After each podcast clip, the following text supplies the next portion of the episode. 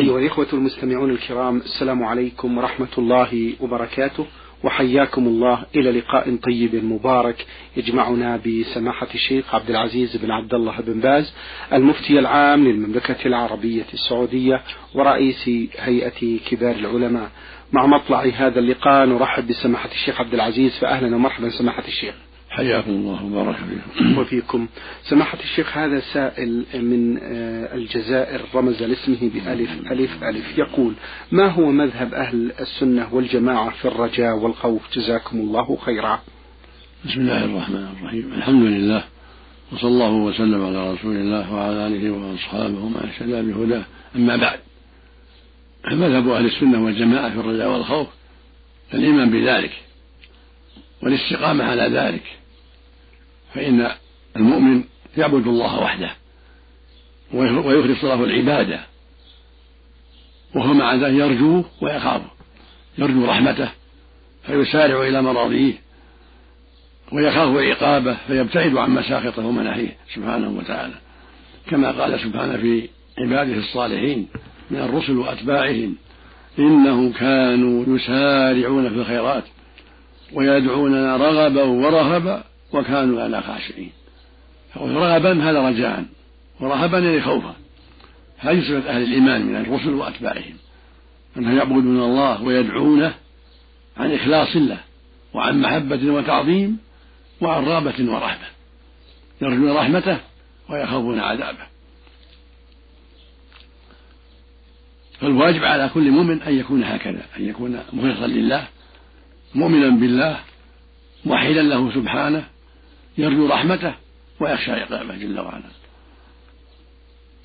قال في الآية الأخرى أولئك الذين يدعون أولئك الذين يدعون يبتغون إلى ربهم الوسيلة أيهم أقرب؟ ويرجون رحمته ويخافون عذابه.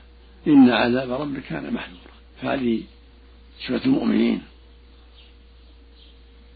التقرب إلى الله بطاعته من الإخلاص وأداء الفرائض وترك المناهي مع الخوف منه جل وعلا. ورجاء رحمته وإحسانه سبحانه وتعالى. أما المرجئة فغلبوا جانب الرجاء وتساهلوا بجانب الخوف.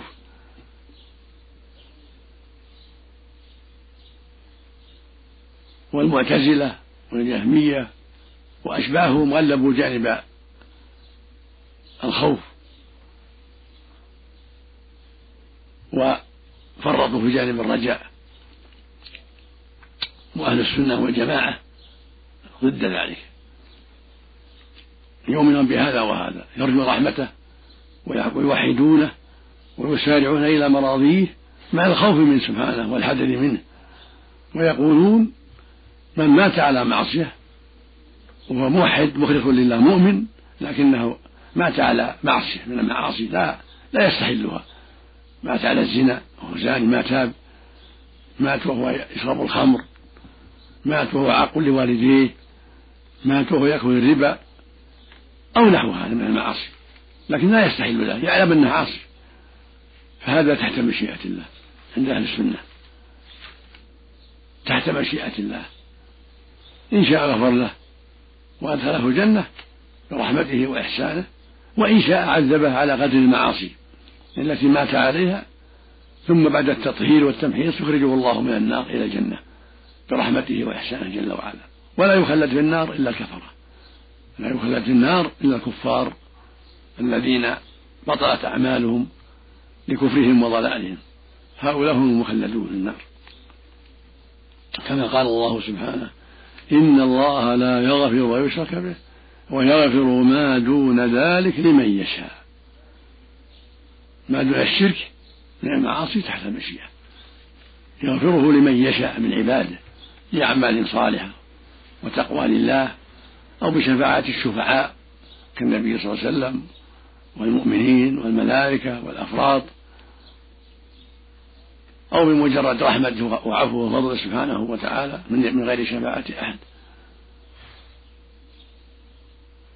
هذا هو مذهب أهل السنة والجماعة. وهم أصحاب النبي صلى الله عليه وسلم وأتباعهم بإحسان.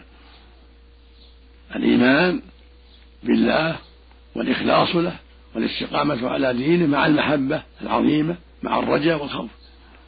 خلافا للمرجئة وخلافا للوعيدية للمعتزلة وغيرهم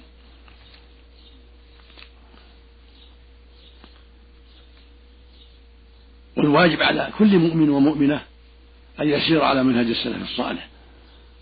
وأن يعبد الله وحده عن إيمان وعن صدق وعن إخلاص وعن رجاء وخوف. يؤدي فرائض الله ويحذر محارم الله هو لا يأمن من مكره بل يخاف ويرجو. قال تعالى أفأمنوا مكر الله؟ فلا يأمن مكر الله إلا القوم الخاسرون.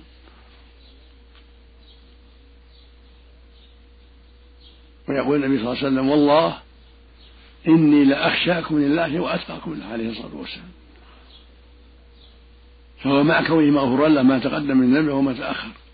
ومع كونه سيد ولد آدم. ومع كونه أفضل الناس وأكمل الناس إيمانا. مع هذا يخاف الله ويرجوه. بل يقول إنه أخشى الناس لله. والله إني لأخشاكم لله وأتقاكم عليه الصلاة والسلام.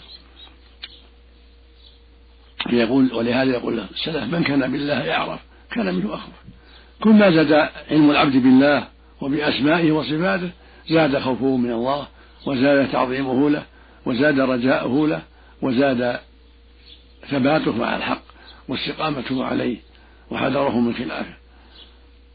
نعم. جزاكم الله خيرا سماحة الشيخ. في فقرته الثانية يقول هذا السائل آه، ألف ألف ألف من الجزائر ما هي السبع الموبقات؟ وهل صاحبها يدخل النار؟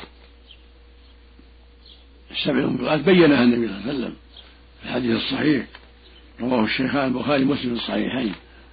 عن النبي صلى الله عليه وسلم قال اجتنبوا السبع الموبقات. يعني المهلكات. قلنا وما هن يا رسول الله؟ قال الشرك بالله والسهل. وقتل النفس التي حرم الله إلا بالحق. وأكل الربا. وأكل مال اليتيم والتولي يوم الزحف وقذف المحصنات الغافلات المؤمنات. أعظمها الشرك هو المهلك الذي ليس معه رجاء إذا مات عليه الإنسان. فله النار مخلدا فيها أبد الآباد. قال تعالى إنه من يشرك بالله فقد حرم الله عليه الجنة ومأواه النار وما للظالمين من أنصار.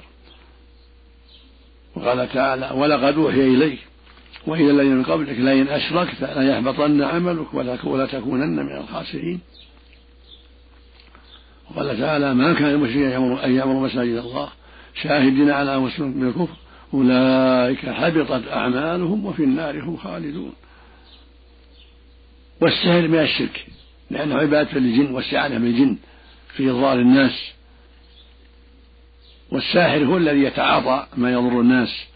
بوسط الجن وعبادتهم من دون الله فتارة يتعاطى ما يضرهم من أقوال وأعمال ونفس في العقد وتارة بالتخيل حتى يرى الشيء على غير ما هو عليه كما قال في حق سحرة فرعون يقول سبحانه فيخيل إليه من سحرهم أنها تسعى وقال في حقهم فلما ألقوا سحروا أعين الناس. سحروا أعين الناس واسترهبوهم وجاءوا بسحر عظيم. فالساحر تارة يعمل أشياء تضر الناس بواسطة الجن وعبادتهم من دون الله. من أقوال وأعمال ونفس في العقد كما قال تعالى ومن شر النفاثات في العقد وتارة بالتخييل حتى يرى الأمور على ما هي على غير ما هي عليه.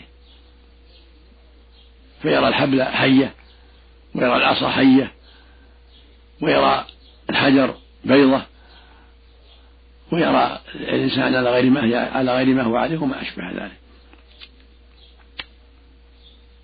هو من من جملة الكفرة. والواجب على ولي الأمر ولي الأمر المسلمين وأمير المسلمين متى ثبت السحر عند الحاكم وجب قتله. متى ثبت السحر عند المحكمة وجب قتل الساحر. ولا يستتاب بل يقتل لأن شره عظيم. وقد ثبت عن عمر رضي الله عنه أمير المؤمنين رضي الله عنه أنه كتب إلى أمرائه في الشام وغيره أن يقتلوا كل ساحر وساحرة لعظم شرهم وخطرهم.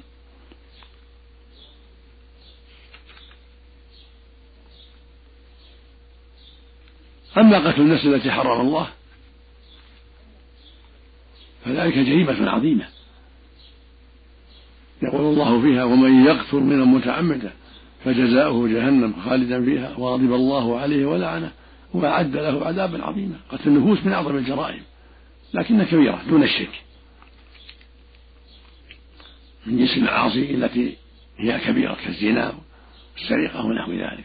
ليس بكافر إلا أن يستحل ذلك. ولهذا قال في حق سبحانه ومن يقتل من متعمدا فجزاؤه جهنم خالدا فيها وغضب الله عليه ولعنه وأعد له عذابا عظيما. خالدا فيها إن استحل ذلك وإن لم يستحل فهو خلود مؤقت خلود مؤقت له نهاية.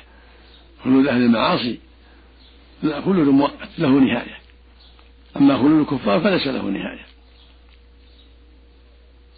يقول صلى الله عليه وسلم اجتنبوا السبع الموبقات. قالوا وما هن يا رب قال الشرك بالله والسهل. وقتل النفس التي حرم الله إلا بالحق. بالحق قتل بالحق. زاني محصن يرجم زاني إنسان قتل نفسا بغير حق وهو مكافئ له يقتل. وجد منه ما يوجب قتله يقتل. كقطع الطريق الذي يقطع الطريق يعني يتعرض للناس بأخذ أموالهم في الطرقات أو ضربهم أو قتلهم يقتل. لشره وعظم شره الرابع أكل الربا يتعاطى الربا المحرم الذي حرمه الله. وقال فيه جل وعلا وأحل الله, وأحل الله البيع وحرم الربا. قال سبحانه يا أيها الذين آمنوا اتقوا الله وذروا ما بقي من الربا إن كنتم مؤمنين. فإن لم تفعلوا فأذنوا بحرب من الله ورسوله. فأكل الربا من الكبائر. فالواجب الحذر منه. والربا أنواع ربا نسيئة وربا فضل. ربا الفضل مثل بيع الدرهم بالدرهمين صاع من الحنطة بصاع من الحنطة. هذا ربا فضل. صاع من الرز بصاع من الرز يعني من جنسه. هذا ربا فضل. لا يجوز. ربا النسيئة مثل يبيع صاع من الحنطة بصاع من الشعير مؤقت. بعد يوم بعد يومين يعني ما يأخذ إلا بعد المجلس.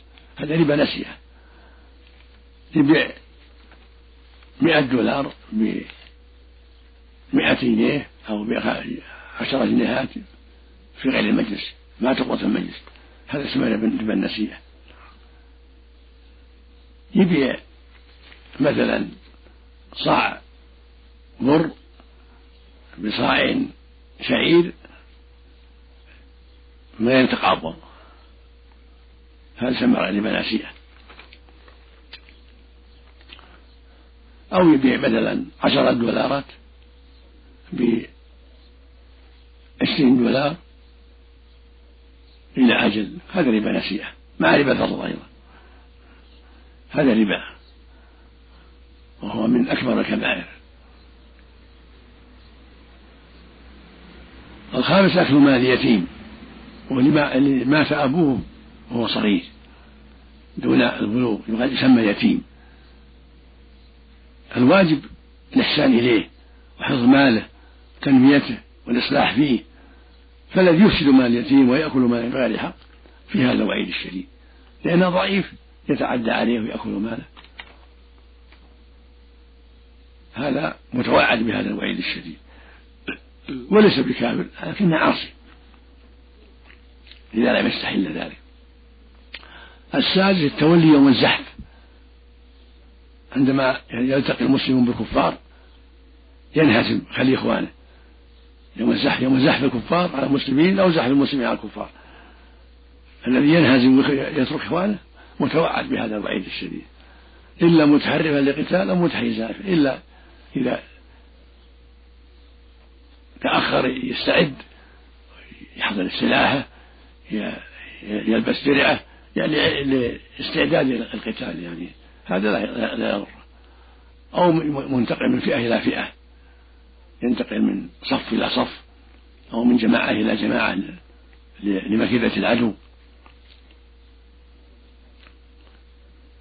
السابع قذف المحصنات الغافلات المؤمنات. الذي يقذف المحصنات المؤمنات بالزنا يقول فلانة زانية فلانة تدعو إلى الزنا. وهو كاذب. هذا السبب الملغاة يستحقنا. يجزى ثمانين جلدة. كما قال تعالى والذين يرمون المحصنات والذين يرمون المحصنات ثم لم يأتوا بأربعة شهداء فاجلدوهم ثمانية جلدة. قتل المحصنات كبيرة من الكبائر. وهذا وهكذا المحصن من الرجال. لكن لما كان الغالب قال في النزاع جاء في الحديث النساء. وإلا فهكذا لو قذف المحصن من الرجال قال انه يزني فعليه أن يأتي بأربعة شهداء ولا يجلد ثمانية جلدة هذه السبع الموبقات يعني المهلكات لشدة خبثها نسأل الله العافية. نعم. جزاكم الله خيرا سماحة الشيخ. هذا السائل آه، يقول في هذا السؤال هل رفع اليدين بالدعاء بعد الصلوات المكتوبة أو النوافل جائز أم لا؟ وإذا كان متى يجوز ذلك مأجورين؟ رفع الأيدي في الدعاء مستحب من أسباب الإجابة. لقول النبي صلى الله عليه وسلم إن ربكم حي كريم يستحي من عبده إذا رفع إليه يديه أن يردهما صفرا يعني خاليتين فيستحب رفع يديه في الدعاء. إذا دعا ربه في بيته في السفر في أي مكان يرفع يديه ويدعو يجتهد في الدعاء ويلح في الدعاء. هذا من أسباب الإجابة. ومن هذا الحديث قوله صلى الله عليه وسلم إن الله تعالى طيب ولا يقبل إلا طيبا وإن الله أمر المؤمنين بما أمر به المرسلين. فقال تعالى يا أيها الذين آمنوا كلوا من طيبات ما رزقناكم واشكروا لله. قال تعالى يا أيها الرسل كلوا من الطيبات واعملوا صالحا. ثم ذكر الرجل يطيل السفر أشعث أغبر يمد يديه إلى السماء يا رب يا رب. ومطعمه حرام ومشربه حرام وملبسه حرام وودي بالحرام فأنى يستجاب له. يعني بعيد يستجاب له ولو مد يديه. ولو ولح في الدعاء مع تعاطيه الحرام وتلبسه بالحرام في مأكله ومشربه ونحو ذلك. يبين النبي صلى الله عليه وسلم أن رفع اليدين من أسباب الإجابة. وهكذا الإلحاح في الدعاء من أسباب الإجابة. لكن قد يوجد مانع وهو الأكل الحرام. فالذي يتعاطى أكل الحرام هذا من أسباب حرمان الإجابة. وهكذا الغفلة عن الله والإعراض عن الله كثرة المعاصي من أسباب حرمان الإجابة. ولكن لا يرفع في المواضع التي ما رفع فيها النبي صلى الله عليه وسلم. المواضع التي لم يرفع فيها النبي صلى الله عليه وسلم لا نرفع فيها لأنه صلى الله عليه وسلم يتأسى به في الفعل والترك هو الأسوة. كما قال الله جل وعلا لقد كان لكم في رسول الله أسوة حسنة لمن كان يرجو الله واليوم الآخر وذكر الله كثيرا. فكما أننا نتأسى به في الفعل نتأسى به في الترك رفع يديه لما استسقى في المنبر يوم الجمعة لما سأل الله الغيث رفع يديه في خطبة الجمعة على المنبر. نرفع يدينا. إذا استغلنا نطلب الغيث نطلب المطر يرفع يديه الإمام والمأمومون يرفعون أيديهم يدعون الله ويؤمنون على دعاء الإمام. هكذا إذا دعا بينه وبين نفسه في بيته في آخر الليل في الضحى في أي وقت يدعو ويرفع يديه أو في أو بعد صلاة النافلة إذا صلى بعض الأحيان دعا ربه بعد صلاة النافلة الضحى أو في الليل أو في أي وقت. لكن في صلاة الفريضة لا يرفع يديه إذا سلم لأن النبي ما كان يرفع يديه في الفريضة. لم يحفظ عنه صلى الله عليه وسلم أنه رفع يديه بعد الفرائض فنحن لا نرفع نتأسى به عليه الصلاة والسلام. وهكذا في خطبة الجمعة إذا دعا لا يرفع لأن الرسول ما كان يرفع في دعاء الجمعة إلا إذا استسقى خاصة. فإذا دعا في خطبة الجمعة أو خطبة العيد لا يرفع لأن النبي لم يرفع عليه الصلاة والسلام. وإذا سلم من الفريضة الفجر أو الظهر أو العصر أو المغرب والعشاء لا يرفع لأن النبي صلى الله عليه وسلم ما يرفع. وهكذا بين السجدتين دعاء بين السجدتين لا يرفع يديه. وهكذا في آخر الصلاة قبل أن يسلم لا يرفع يديه. لأن الرسول لم يرفع في هذه المواضع. فلما ترك نترك تأسم به عليه الصلاة والسلام. لكن لو جلس في بيته الضحى ثم دعا ورفع يديه في الليل ورفع يديه في أي وقت تذكر حاجة ورفع بعدها لا بأس. لكن المواضع التي فعلها النبي ولم يرفع فيها لا نرفع فيها. مثل ما سمعت مثل بين السيدتين الدعاء في آخر الصلاة قبل السلام مثل الدعاء في خطبة الجمعة خطبة العيد لا يرفع. لكن في دعاء الاستسقاء نرفع يدين بعد صلاة بعد صلاة الفريضة إذا سلم من الفريضة ودعا لا لا يرفع يديه. يدعو بينه وبين نفسه بعد الذكر. إذا دعا بعد الذكر بينه وبين نفسه لا بأس لكن لا يرفع يديه لأن الرسول لم يرفع عليه الصلاة والسلام. والواجب على أهل الإيمان التأسي بالرسول صلى الله عليه وسلم في أعماله وأقواله وفي فعله وتركه عليه الصلاة والسلام. نعم. جزاكم الله خيرا سماحة الشيخ. المستمعة التي رمزت لاسمها بميم ميم تقول في هذا السؤال. سماحة الشيخ سماحة الشيخ كيف نكون بارين بوالدينا؟ ونحن نعيش في بلد وهم في بلد آخر. وإذا كان الوالد أو الوالدة يصلون ولكنهم لا يحافظون عليها في وقتها أو يصلونها بسرعة جدا فماذا علينا ونحن بعيدين عنهم؟ على الولد النصيحة لوالديه وبرهما حسب الطاقة. لقول الله تعالى فاتقوا الله ما استطعتم. إن كان حاضرا بالكلام الطيب والفعل الطيب وإن كان غائبا بالمكاتبة بالهاتف التلفون فاتقوا الله ما استطعتم. ينصح يسلم عليه يدعو له في كتابة في التلفون وإذا حضر يدعو له ويشكر على أعماله الطيبة وإذا رأى منه تقصيرا في الصلاة أو غيرها نصحه بالعبارة الطيبة وبالرفق كما قال الله جل وعلا أن اشكر لي ولوالديك إلي مصير وإن جاهداك على أن تشرك بي ما ليس بهم فلا تطعهما. ثم قال بعده وصاحبهما في الدنيا معروفا. وهما كافران. قال وصاحبهما في الدنيا معروفا. فأمر الولد أن يصحب أبويه بالمعروف وإن كان كافرين. فكيف إذا كان مسلما؟ فالواجب على الولد ذكرا كان أنثى أن يتقي الله وأن يبر والديه بالفعل والقول. إن كانا فقيرين وهو قادر أنفق عليهما. وإذا أمراه طاعهما في المعروف. وإذا دخل عليهما سلم عليهما واحترمهما ودعا لهما وإذا كان غائبين راسلهما بالمكاتبة أو من طريق الهاتف يدعو لهما ويسلم عليهما هكذا. يجتهد في أنواع الخير. وإذا كان محتاجين أنفق عليهما وهو قادر. لأن الله يقول فاتقوا الله ما استطعتم. وقال رجل يا رسول الله من أبر؟ قال أمك. قال ثم من قال أمك قال ثم من قال أمك قال ثم من قال أباك ثم الأقرب فالأقرب. وفي رواية قال يا رسول الله من أحق الناس بحسن صحبتي؟ قال أمك. قال ثم من قال أمك قال ثم من قال أمك قال ثم من قال أبوك. فالمؤمن يجتهد في بر والديه ويخص الأم بمزيد عناية ثم الأقرب فالأقرب من أولاده وإخوته وأعمامه وعماته وأخواله وخالاته ثم الأقرب فالأقرب. نعم. جزاكم الله خيرا سماحة الشيخ. في سؤالها الثاني تقول هذه المستمعة زوجي لا يهتم بتعلم العلم الشرعي ولا غيره وليس عنده وقت للقراءة فماذا أفعل معه؟ حيث إنه يقوم حيث إنه لا يت... تقول فماذا أفعل معه؟ ولكنه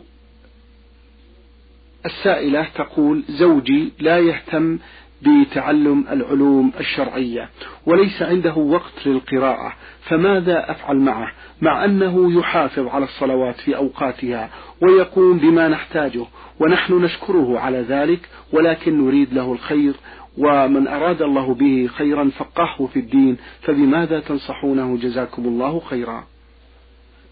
ننصحه أن يجتهد في قراءة القرآن وتدبر لآيات الله حتى يستفيد.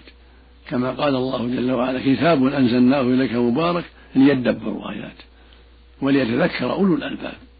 ويقول سبحانه أفلا يتدبرون القرآن أم على قلوب أقفالها؟ ويقول سبحانه إن هذا القرآن يهدي للتي هي أقوم ويبشر المؤمنين الذين يعملون الصالحات أن لهم أجرا كبيرا. ويقول سبحانه قل هو للذين آمنوا هدى وشفاء. ويقول سبحانه وهذا كتاب أنزلناه مبارك فاتبعوه واتقوا لعلكم ترحمون. فأنا أنصحه وأنصحك وأنصحك أيضا أن تكثر عليه النصيحة بالرفق أن يعتني بالقرآن. وأن يكثر من تلاوته بالتدبر في الأوقات المناسبة وأن يحضر مجالس العلم حلقات العلم عند أهل العلم عند العلماء المعروفين بالخير وأن يقرأ الكتب المفيدة يعني حتى يستفيد منها مثل بلوغ المرام الحافظ بن حجر مثل عمدة الحديث للحافظ عبد الغني بسر المقدسي مثل رياض الصالحين للحافظ النووي. يستفيد من هذه الكتب مثل الترغيب والترهيب للمنذري يستفيد من هذه الكتب كتب الحديث.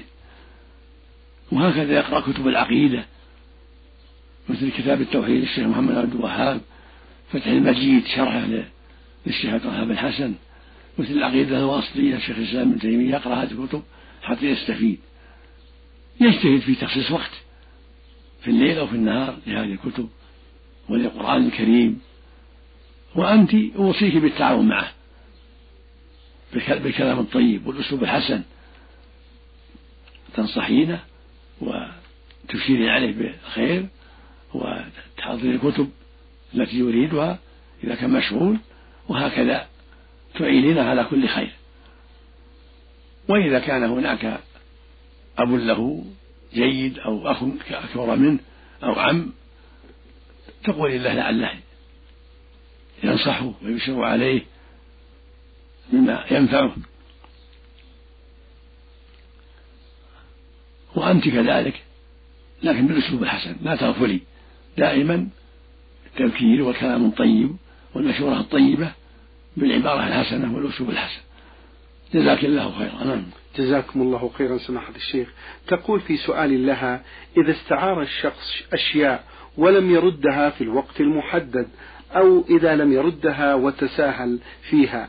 وأهلها يحتاجون إلى هذه العارية فهل عليه إثم في ذلك؟ إذا كانت مؤقتة يجب عليه يردها بعد أن جاء الوقت ويأثم ويأثم إذا ترك. إذا أعطوه مثلا السيارة يوم أو يومين عالية يردها بعد المدة. أو أعطوه مثلا حاجات أخرى يستفيد منها يردها بعد الوقت التي الذي حددوه ولا يجوز له التساهل في هذا الشيء. لأن هذا ظلم إذا تساهل ظلم. ومن أسباب سوء الحال بين الجيران وبين الأصحاب. وإذا تعدى على العارية ضمنها. المقصود أن عليه أن يعتني بالعارية وأن يصونها وأن يردها في الوقت المحدد. وإذا كان ما حدد الوقت إذا قضى حاجته بادر بردها. نعم. شكر الله لكم سماحة الشيخ وبارك الله فيكم وفي علمكم ونفع بكم المسلمين. أيها الإخوة المستمعون الكرام أجاب عن أسئلتكم سماحة الشيخ عبد العزيز بن عبد الله بن باز المفتي العام للمملكة العربية السعودية ورئيس هيئة كبار العلماء. شكر الله لسماحته على ما بين لنا في هذا اللقاء الطيب المبارك. شكرا لكم أنتم. إلى الملتقى إن شاء الله. والسلام عليكم ورحمة الله وبركاته.